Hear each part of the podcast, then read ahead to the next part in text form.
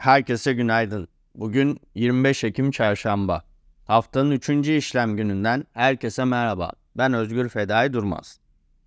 BIST 100 endeksinde haftanın ikinci işlem gününde de risk iştahı yüksekti.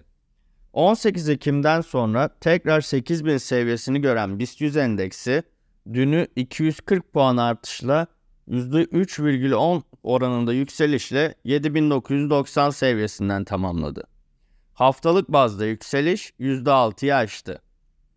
Jeopolitik gerginliklere ilişkin haber akışlarının sakinleşmesi ve bilanço beklentileri endekse katalist etki yaratıyor.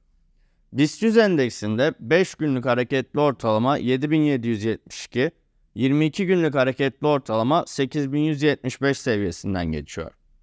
Kısa vadede 7925 seviyesini pivot, 8080, 8170, 8330 seviyelerin direnç, 7830, 7675, 7585 seviyelerini destek olarak izleyeceğiz.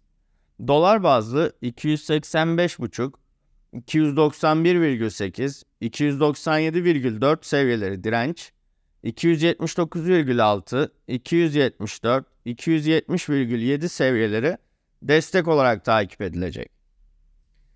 12. Kalkınma Planı TBMM Plan ve Bütçe Komisyonu'nda kabul edildi.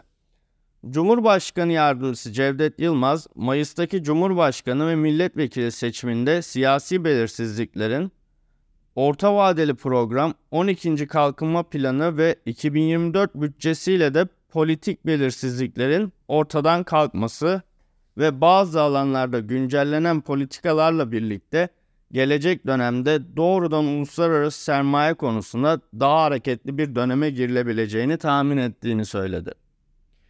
ABD tarafında ise enflasyonist endişeler ve faiz karmaşıklığı sürerken hazine tahvilleri 10 yıllık hazine getirisini 16 yıl sonra ilk kez %5'in üzerine çıkaran yükselişten sonra geri çekildi. Getiri 11 bas puan kadar yükselerek 2007'den bu yana en yüksek seviye olan %5,02'ye ulaştıktan sonra artışını silerek %4,83'e kadar geriledi.